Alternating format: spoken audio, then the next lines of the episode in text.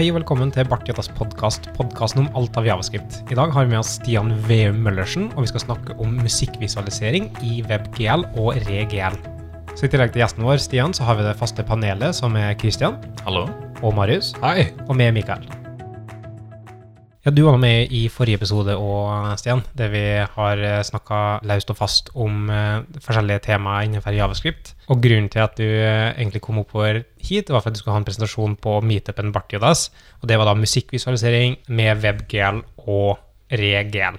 Ja, stemmer. Vi trenger ikke å bruke mye tid på å presentere. Eh, hvis folk ikke har hørt forrige episode, kan de høre forrige episode. Jeg, Ja. jeg syns det var bra.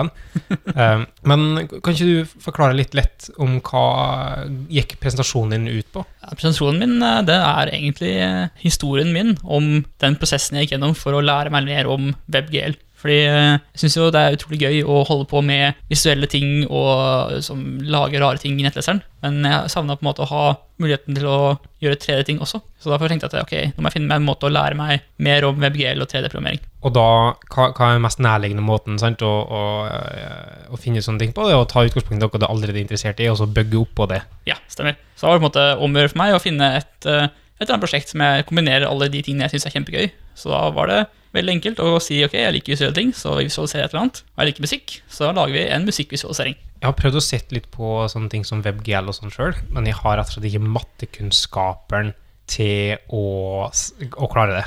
Det, alt, det sitter altfor langt inne, og det ser så avansert ut. Ja, det, det var jeg tenkte jeg også når jeg starta. Jeg kan heller ikke sånn veldig mye om eh, sånn, eh, sånn her type matte. Lineær algebra og sånne ting. Jeg endte jo opp med å stryke to ganger i det faget om det her på NTNU.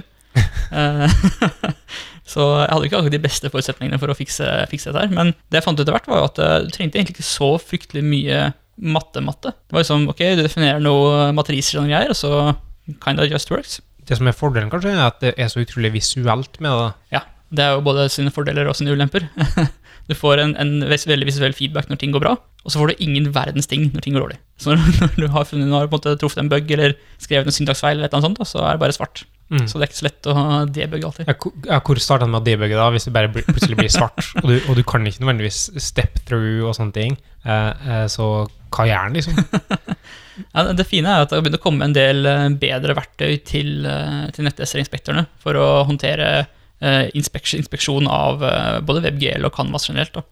Men det viktigste er egentlig bare å ha muligheten til å gå tilbake til et punkt hvor ting funka. Altså du begynner ekstremt enkelt og bygger ting oppover i kompleksitet. Da kan du måte alltid spole tilbake til der du var, så det funka, så må du bare prøve å putte ting tilbake igjen og se hva det egentlig som brekker. Mm. Men så, ok, du visste at du skulle lage, du skulle lage en musikkvisualisering. Du skulle bruke et eller annet musikk, og så skulle du lage en, en musikkvisualisering i WebGL. Ja. Hvor og hva og når går den fram for å gjøre det?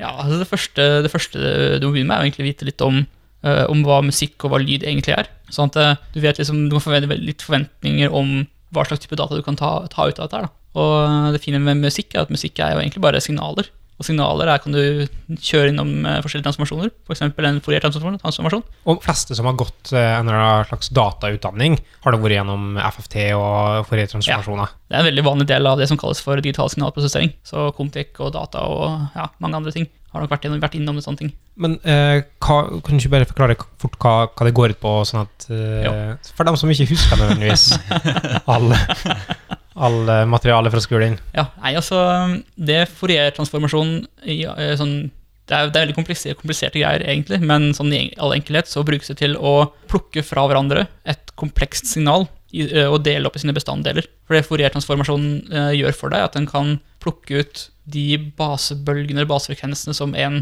kompleks frekvens består av. Så hvis du har, tenker at eh, et lydsignal er f.eks. En, en sinuskurve. Da. Hvis du har mange ulike sinuskurver med ulike amplituder, ulike frekvenser, ulike ja, alt mulig rart Men Du kan bare legge de sammen, så du får en veldig sånn kompleks graf. Men det Fourier-transformen kan gjøre, da, kan plukke den fra hverandre i sine bestanddeler. Så kan du dele opp den og si ok, det er så så, så mye av den frekvensen og så så mye av den frekvensen. Så det vil si at når eh, Marius må inn og redigere vekk nasepipinga mi i uh, podkaster, så bruker han uh, Fourier-transformasjoner for å se på frekvensspektra. Det er godt hende det er det som skjer under, under panseret. Stilig. Ja. Disse her eh, høres jo veldig komplekst ut, men du, på Tåken så hadde du ikke masse matte og sånn som så ut som Fourier-transformasjoner? Var det noe hjelpebibliotek eller noe som du kunne bruke til det? Ja, fordi i nettleseren så har vi noe som heter for Web Audio API. Og i det Web Audio API så er det en egen sånn komponent som heter Analyzer Node. Og den eh, gir deg muligheten til å få ut eh, disse dataene om eh, den kjører FFT på eh, signalet ditt, og så får du masse data ut. Så det er på en måte det grunnleggende biten av det. Mm, for, du, for du kan ta utgangspunkt i si, Get User Media. Ligger den på Navigator? Nei, det gir ikke mening. Det ligger på Eh, Jo, Ja, ja, faktisk. Ja, Navigator Get User Media. Ja, eh, men uansett, og, og da få tak i lyd fra mikrofon. Yes. Og det kan være en startnode der du kan analysere ting på. Ja. Jeg har blant annet brukt det til å lage en egen clapper for å slå på til å lyse. Ja. Og enkle sånn zero crossing-algoritmer på analyzer-greier. Mm. Eh, du kan koble til WebRTC via det. Altså, Ja, eller, masse, masse eh, og men så kan du òg ha andre input-kilder, som lyd eller eh, midi eller all slags mulige greier. Det er ganske stort. Ja da, altså Alt som uh, har den audio-interfacen, det kan du pipe videre inn i WebAudio API. Så du kan generere lyden sjøl, eller du kan få eh, input fra en annen kilde. Og det er folk som har laga synt-implementasjoner i oh, ja. nettleseren. Ja, Det har jeg, jeg gjort også, blant annet. Mhm. Hvor du har eh, sånne små noder som heter oscillatorer, som genererer et signal, og så kan du modulere det signalet som du vil. Det, det er ikke det vi skal snakke om i hele tatt, men det er fas, det er fascinerende selv. Eller egentlig så er det litt det vi skal snakke om. Ja, litt at, eh, ja, det du har gjort, og, og, og det er i hvert fall det jeg tok ut av presentasjonen din da i går, det er at ja, du har brukt uh, musikk, kombinert det med, med WebGL og ReGL, som vi kan komme inn på snart, og kombinert det og lagd noe kult. Men det som egentlig lå til grunn, er det biten rundt eh, det som vi hadde en episode med Kjetil Golid om Mm. kreativ programmering, og det å bruke kreativ programmering for å lære seg en, en ting. Så, så om du bruker på en måte bare WebAudio og ser på det, eller om du bruker eh, WebGL, det er på en måte ikke så mye å si. Nei, altså Det viktigste er bare at du har det, du har det gøy med, mens du holder på. Og, da, og så klarer du å reflektere litt etter at du, har gjort noen ting. Da, og reflektere litt over hva du har lært nå. Det er sånn, Hvis du bare gjør ting uten å tenke over hva du gjør, så setter seg, setter seg ikke. på en måte. Mm. Så du vil jo gjerne bruke litt tid også på ok, hva har jeg egentlig gjort for noe nå. Hvis jeg sier den musikkbiten da, Mm. og så ser vi på, på WebGL, det er noe som opererer, det er et eget uh, implementasjon, en sånn avart av av OpenGL, Ja, en slags, eh, en slags subset, kan du nesten si. da. subset. Det er ikke noe nytt HTML-element eller noe sånt. Der, Nei da, det, du bruker eh, Canvas-elementet til WebGL også. Du bruker Istedenfor å få get-kontekst 2D, så bruker du get-kontekst WebGL. Ja. Så det er et helt sånt uh, ugjennomsiktig element som du ikke kan inter- lese noe inn i. Det er bare der på sida, og så skjer det ting der. Men ok, sånn som i, i kontekst, eh, eller i uh, Canvas, så har du da ok, hent ut konteksten, kontekst 2D til et Mm. uh, Canvas-element, og så kan du si eh, draw line eller eh, rectangle og fill og så videre og så videre. Yes. Er det samme måten du bruker WebGL på? Nei, nesten. Du har, så du har Alle metodene til WebGL ligger på den kontekstbiten, så du får bruke den til alt mulig rart. Men eh, nesten alt, alt det gøyale i WebGL skjer gjennom det som kalles for shadere, som er sånne små programmer som er skrevet i et annet programmeringsspråk, som blir sendt av gårde fra nettleseren og ned på GPU-en, og så blir det eksekvert i sånne massiv parallellitet. Og det er der alt, all magien skjer. da. Ja, for, for der er det som kanskje er mest skremmende for min del rundt WebGL, for at det er et eget språk som du bruker, shader eh, eh, Hva heter det? GLSL heter det. GLSL. Ja. ja.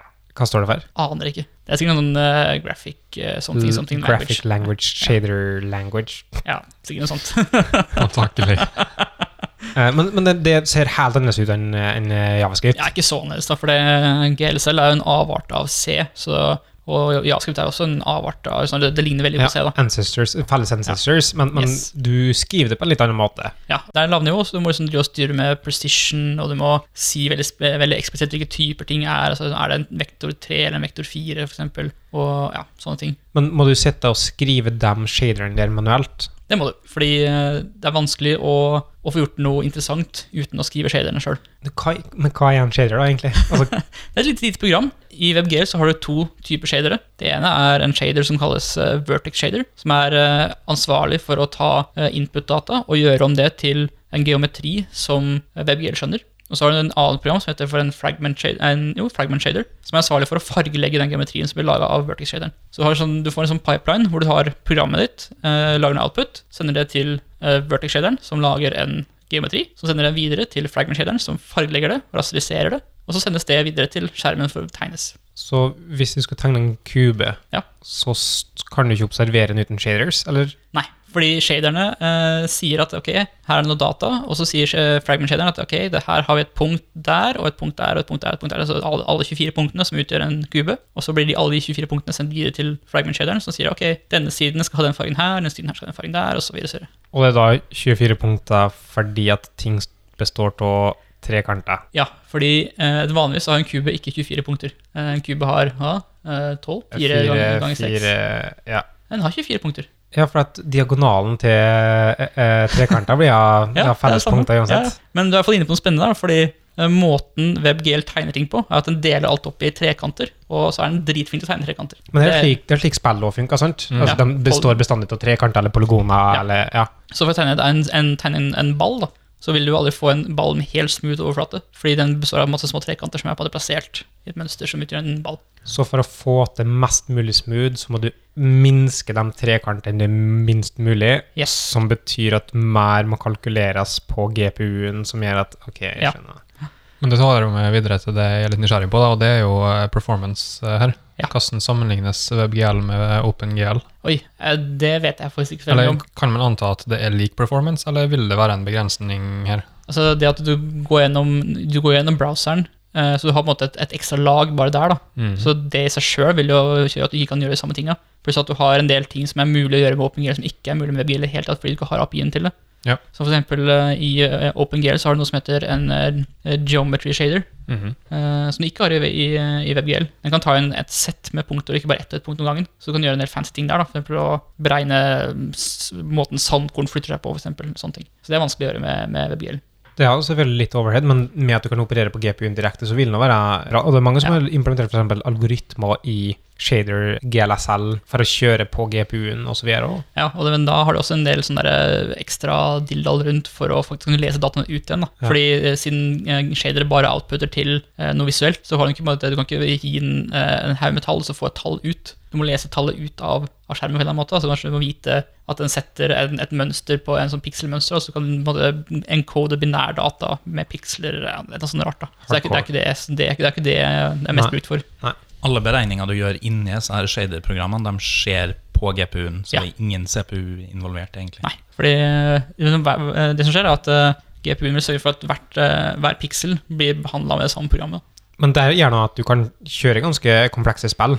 Og ja, du kan gjøre veldig mye mer eh, med WebGL f.eks. med Canvas. Da. Du har eh, helt ekstreme muligheter, og det, det er det som er interessant med det. Jeg lurer på om jeg har sett Quake i browseren? Ja, eh, og De har også klart å, å krysskompilere Unreal-motoren til nettleseren gjennom WebGL-ting. Det er veldig stilig. Det er veldig kult. Men kan man bruke det her til å gjøre andre ting enn å visualisere, med tanke på at du har performancen til GPU-en? Ja. Jeg snakka nettopp det om å kjøre algoritmer på, da. Mm. Ja. Men igjen, som sted, så outputen blir noe problematisk. Ja, Du har en egen interface for det der med, med å kjøre algoritmer. Det er Smeed-opplegget. Mm. Uh, single instruction multiple data eller noe sånt. Ja, Så hvis du skal lage en bitcoin-miner, så legger du inn der, rett og slett. ja for eksempel. Hvis du går tilbake til å prøve å tegne en kube, da. For at når jeg har sett på WebGal sjøl, så blir jeg forvirra, for at du har plutselig kamera, og så har du liksom Origo som, som er litt snodig. Mm. For at eh, og, folk har sikkert sett det når du ser i sånn 3D-tegning, eller i Cinema 4D, eller hva det heter. Al- Altså, sånn mange, Maya 3D. Maya 3D, ja.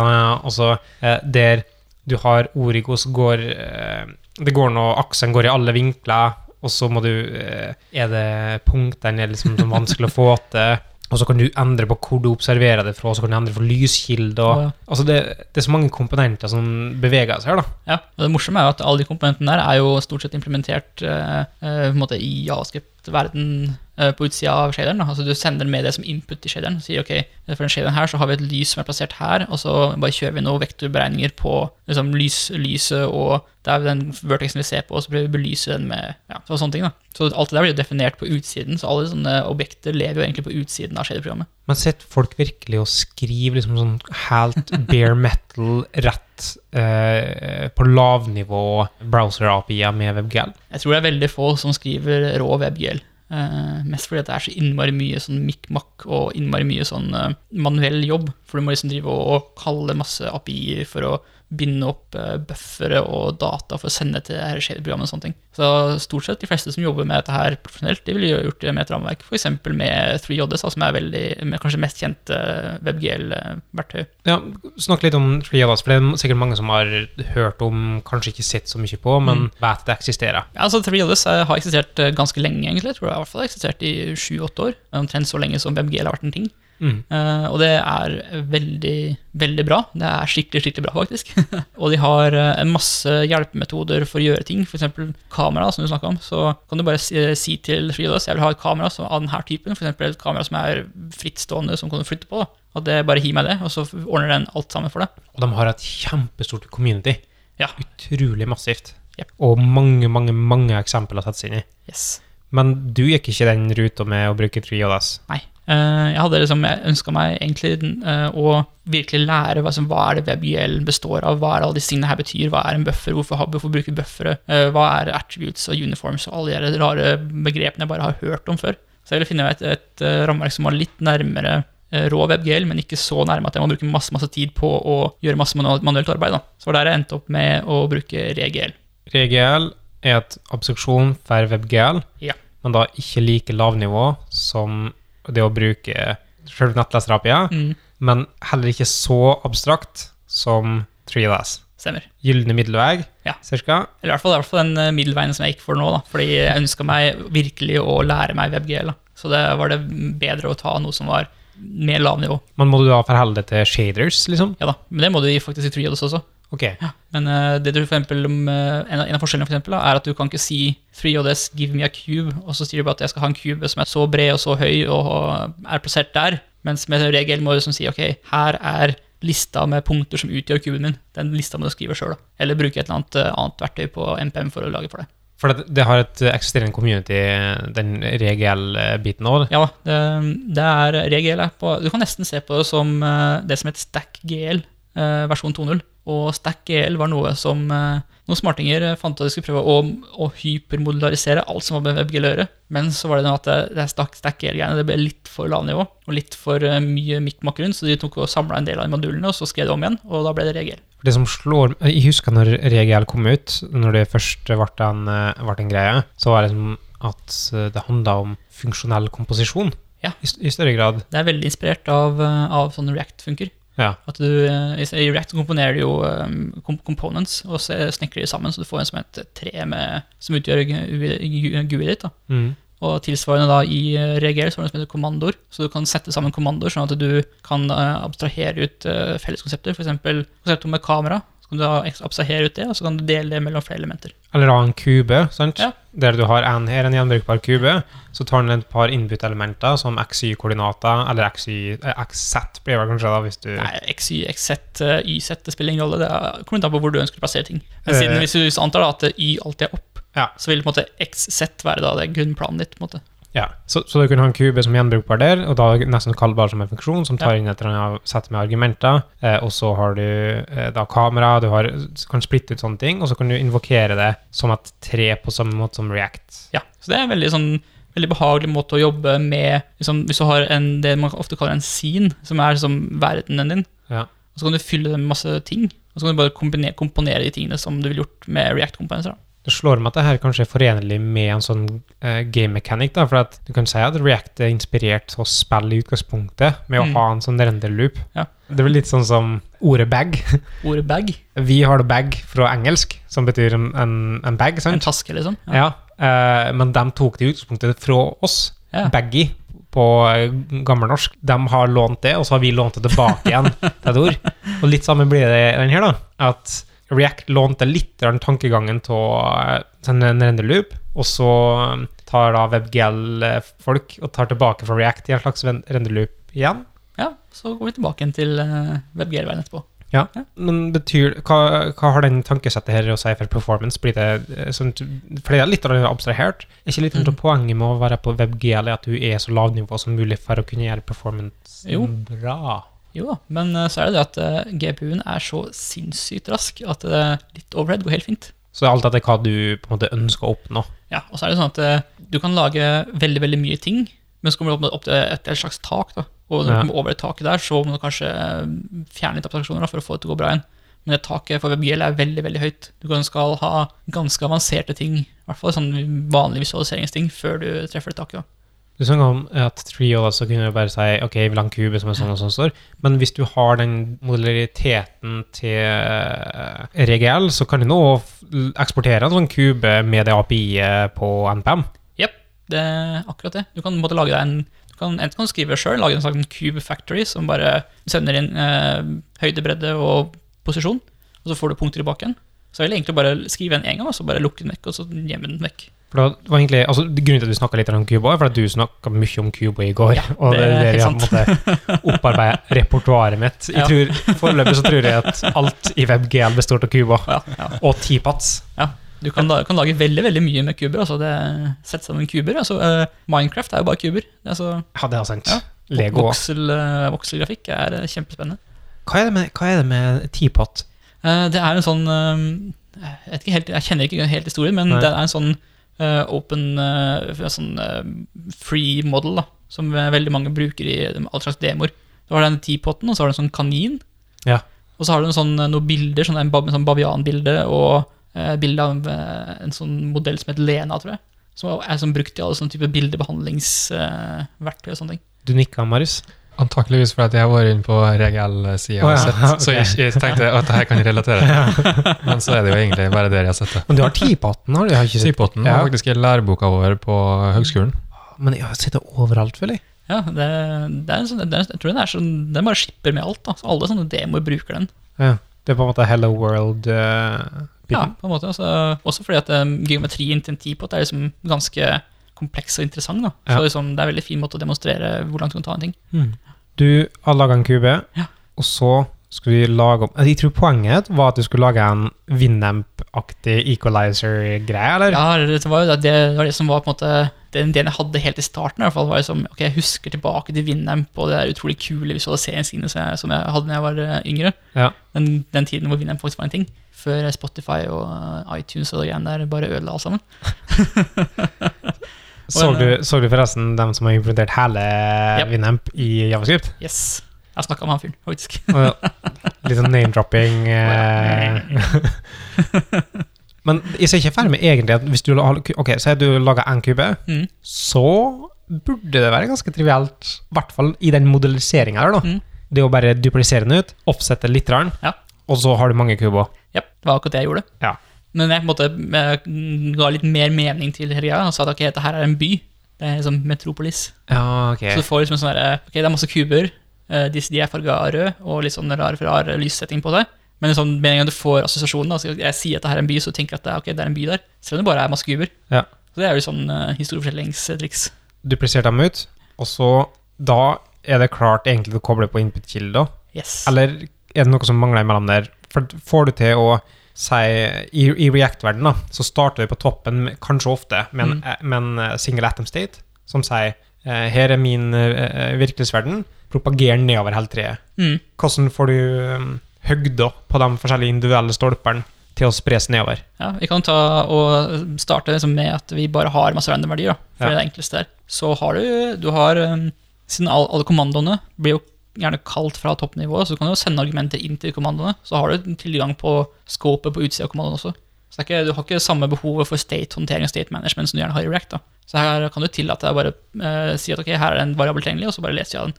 Fordi du har ikke toveis. Sånn, disse shaderne og disse kommandoene produserer jo ikke ny data, stort sett. Altså de bare konsumerer. Så du har ikke liksom behovet for å sende ting i sirkel hele tiden. da. Så det forenkler ting veldig mye.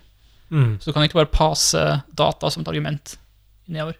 Ja, men det ble ja tilsvarende ja. egentlig, da. Uh, igjen så tror jeg mye av den tankegangen til single atom state er for å kunne ha det komplette verdensbildet i en sentralisert plass som du Ja. kan bare passe nedover. Så det høres egentlig forenlig ut med den tankemodellen. Ja Da. da, definitivt. Så da kan du egentlig bare gi det via props, eller via attributes, som jeg tror du kalte det. Eh, props, faktisk. Det, det, du, det du passer inn til en kommando, blir lest inn som props. Ok. Og så har du eh, fordi attributes er en egen sånn WebGL-spesifikk ting. Vi kan jo ta det nå mens vi er inne på det. Um, Mm. I WebGL så har du stort sett tre ulike data, måter å sende data på tvers av shader og sånne ting. Du har noe som heter attributes, som vil være uh, unike for hver vertex, for hvert punkt i uh, geometrien din. Så har du på en måte en egen liste som du slår opp i for å finne tilhørende data til det punktet. Det er en attribute. Så har du noe som heter uniforms, som da er en data, én data, som er eh, likt for alle punktene.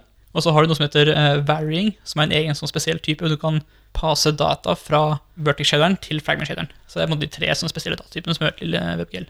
Det liksom en, en ting består av. Og så siste delen, da. Hvis du har Du har noe egentlig da, det vi har snakka om, så har du det komplette bildet du trenger for å lage den visualiseringa di. Jepp, det stemmer. Det er liksom Bare lag masse kuber, fordel utover en eh, slags bakketing, og så tar du de dataene fra den eh, musikkfila eller fra lydfila di. Ja. Så, om så kjører du Fourier- Fourier-transform på den, så du får ut alle, alle frekvensene det lyd, lyden består av. Og så sier du ok, jeg vil vite hvor mye av den frekvensen her er det, og så mapper du det til kuben din, og så har du dansende kuber som danser med i takt med musikken. Det høres enkelt ut, Det høres veldig tøft ut da, uten, uten at jeg har sett det, det. det, er, det er dritkult. Det er absolutt. Ja. Eh, og så finnes det sykt mange kule demoer på det. Ja, Eh. altså det, Du har jo hele den der eh, community som kalles for demoscene. Ja. Eh, Som de har holdt på å vært aktive siden 80-tallet og laga utrolig mye fete ting. Ja, for det er jo, et spørsmål jeg har. Eh, Jeg har jo, jeg skal ikke si at jeg har vært aktiv i demoscena, men jeg har observert den med et uh, interessert øye. Det har vært idle i demoscena? Ja. Lurker. Hva mye blir WebGL brukt i demoscena, egentlig? Eh, de fleste som driver med sånn demoscene-ting ting i browseren, de Mm. bruker WebGL. Ja. Det er noen få som lager sånne JS1K-demoer som gjør det på 2D Canvas. Men hvis du lager noe som er litt mer avansert, så er det gjerne med WebGL. Og så er det jo alle de, alle de unge menneskene som kommer til den scenen nå. De har gjerne erfaring med JavaScript fra før, så da er det gjerne WebGL de får til, istedenfor å jobbe med Amiga eller Commodore 64 eller sånne eh, eldgamle Windows-systemer. Så det er ganske kult. Ja, for du er nå på TG ofte, Marius. Ja. Og dere er nå sånn demo-sin. Demo-kompo. Demokompo, ja. Mhm. Scenen var større før, men eh, ja det blir mindre og mindre? Ja, det blir mindre og mindre. I hvert fall i TG-sammenheng. ikke vet ikke i, i verdenssammenheng. Den har nok eh, krympa en del siden uh, storhetstida på 90-tallet, men eh, det er fortsatt med veldig mange store demopartys rundt omkring. I Norge så har du f.eks. Solskogen, som Mm. går om sommeren, som er et rent demoparty. Veldig, veldig kult. Folk har mer, blitt mer opptatt av å konsumere enn å skape, kanskje? Jeg vet ikke. Ja. Jeg tror det er en forenkling å gjøre.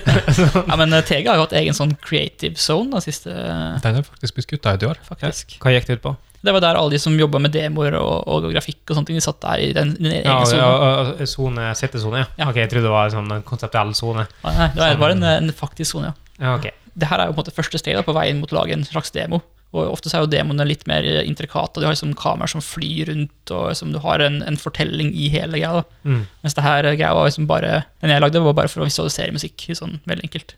Men jeg kommer tilbake til det du sa innledningsvis, med at uh, det som kunnskapen du bygger det, kan du Mm. ikke ta tilbake. Når, altså det er bare, å- eh, etter hvert som du bygger opp og bygger opp i kompleksitet, og Mm. utforsker mer, så har du skjønt hvordan du har kommet til det punktet, så derfor er det enklere å komme seg videre derifra. Ja.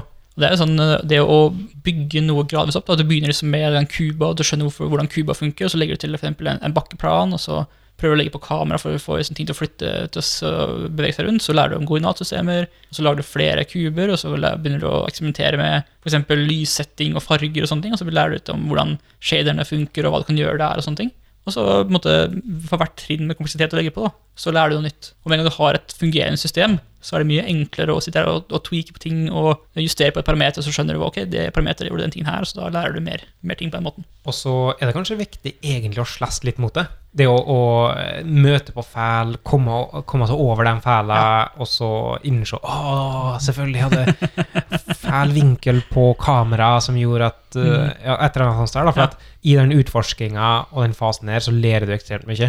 Jepp. Og jeg kan jo ta en artig historie fra det prosjektet mitt, hvor eh, jeg hadde ønska å lære meg hvordan lighting funka, så måtte jeg begynne å, å tukle noe som kalles for normals, som egentlig er den vektoren som går rett ut fra flatene, som du har flata, og så på en måte den vektoren som peker opp fra flata. Ja.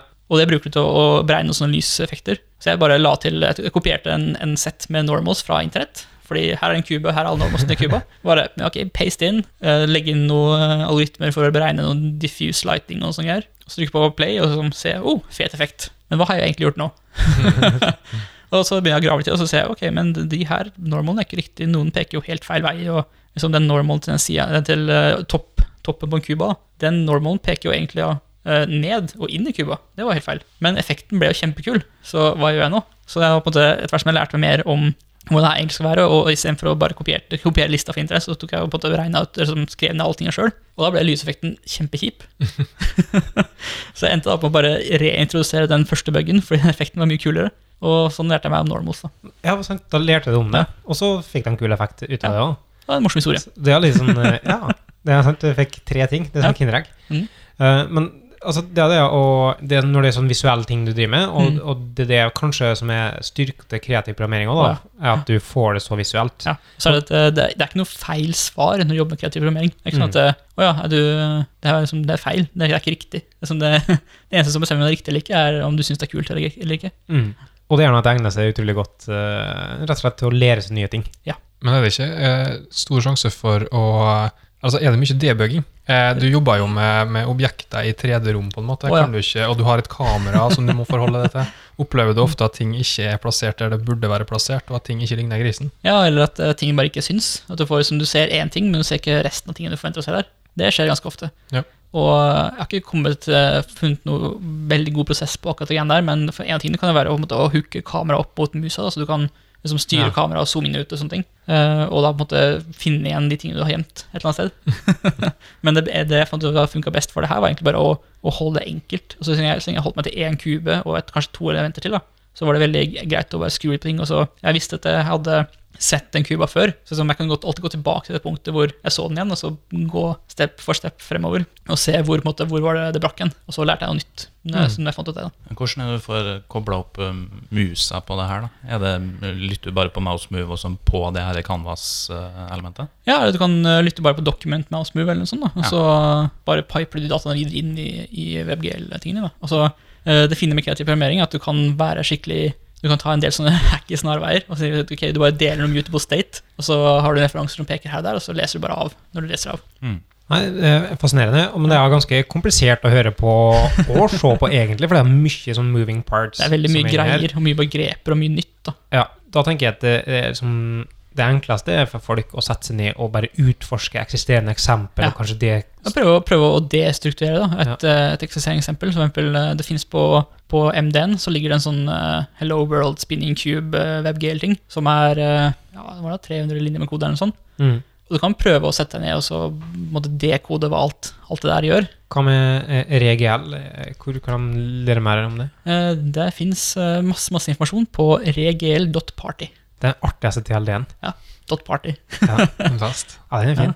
Er det noen oppfordringer du har lyst til å gjøre eh, helt på slutten, rundt hvordan de kan lære seg WebG, eller eh, Bare ikke, ikke ta alt så seriøst hele tiden. Det er, sånn, er, det er helt greit å gjøre ting, programmere ting som ikke har noe praktisk formål. Ja, for det, Hensikten er at selv om det ikke har praktisk formål, Mm. så får du lærdom av det. Ja, altså, du programmerer. altså Selv om du ikke programmerer med fast formål, så programmerer du faktisk. altså Du, du, du gjør jo de tingene du har gjort på jobben, bare istedenfor at du har et, eh, en annen business case noen kommer, med, kommer til deg med, så har du noe, noe gøy du har lyst, har lyst til skal, skal eksistere. Og så er det noe utrolig frigjørende med det å ikke eh, måtte være knytta opp mot at noe må fungere. Du er ikke tvunget Ja, til at det altså- skal funke. Så slipper du sånne ting som best practice Mm. og alle sånne eksterne faktorer som påvirker valgene du tar. Da. Du kan bare velge akkurat hva du vil. Nei, eh, tusen takk. Det har vært lærerikt. Det har på en måte Jeg vet ikke om jeg fortsatt har kunnskapen som skal til for å bli god på WebGL, Ja, men det har ikke jeg ellers, så det er greit. men eh, jeg kunne kanskje laga noe av det etter, etter Mm. presentasjonen, etter samtalen òg. Jeg kan anbefale at du tester ut uh, 3LS, uh, i hvert fall som du nevnte Ja. her i stad. Jeg testa ut det, jeg lagde kule i bevegelig rom. Ja. Jeg var ikke så ekstremt imponert over meg sjøl, men det var i hvert fall starten på noe Men, som men kanskje var, det, var det tilfredsstillende å få- få det til å funke? jeg, jeg vet ikke, jeg tror kanskje jeg hadde litt for store forventninger til meg sjøl. Jeg spiller jo en del dataspill, så jeg vet jo at ting kan bli veldig bra. Så en kule i et rom, liksom, det, det er ikke så mye å klappe i hendene for, men eh, det er en start. Mm. Det er det viktigste. Bare ha et sted å starte.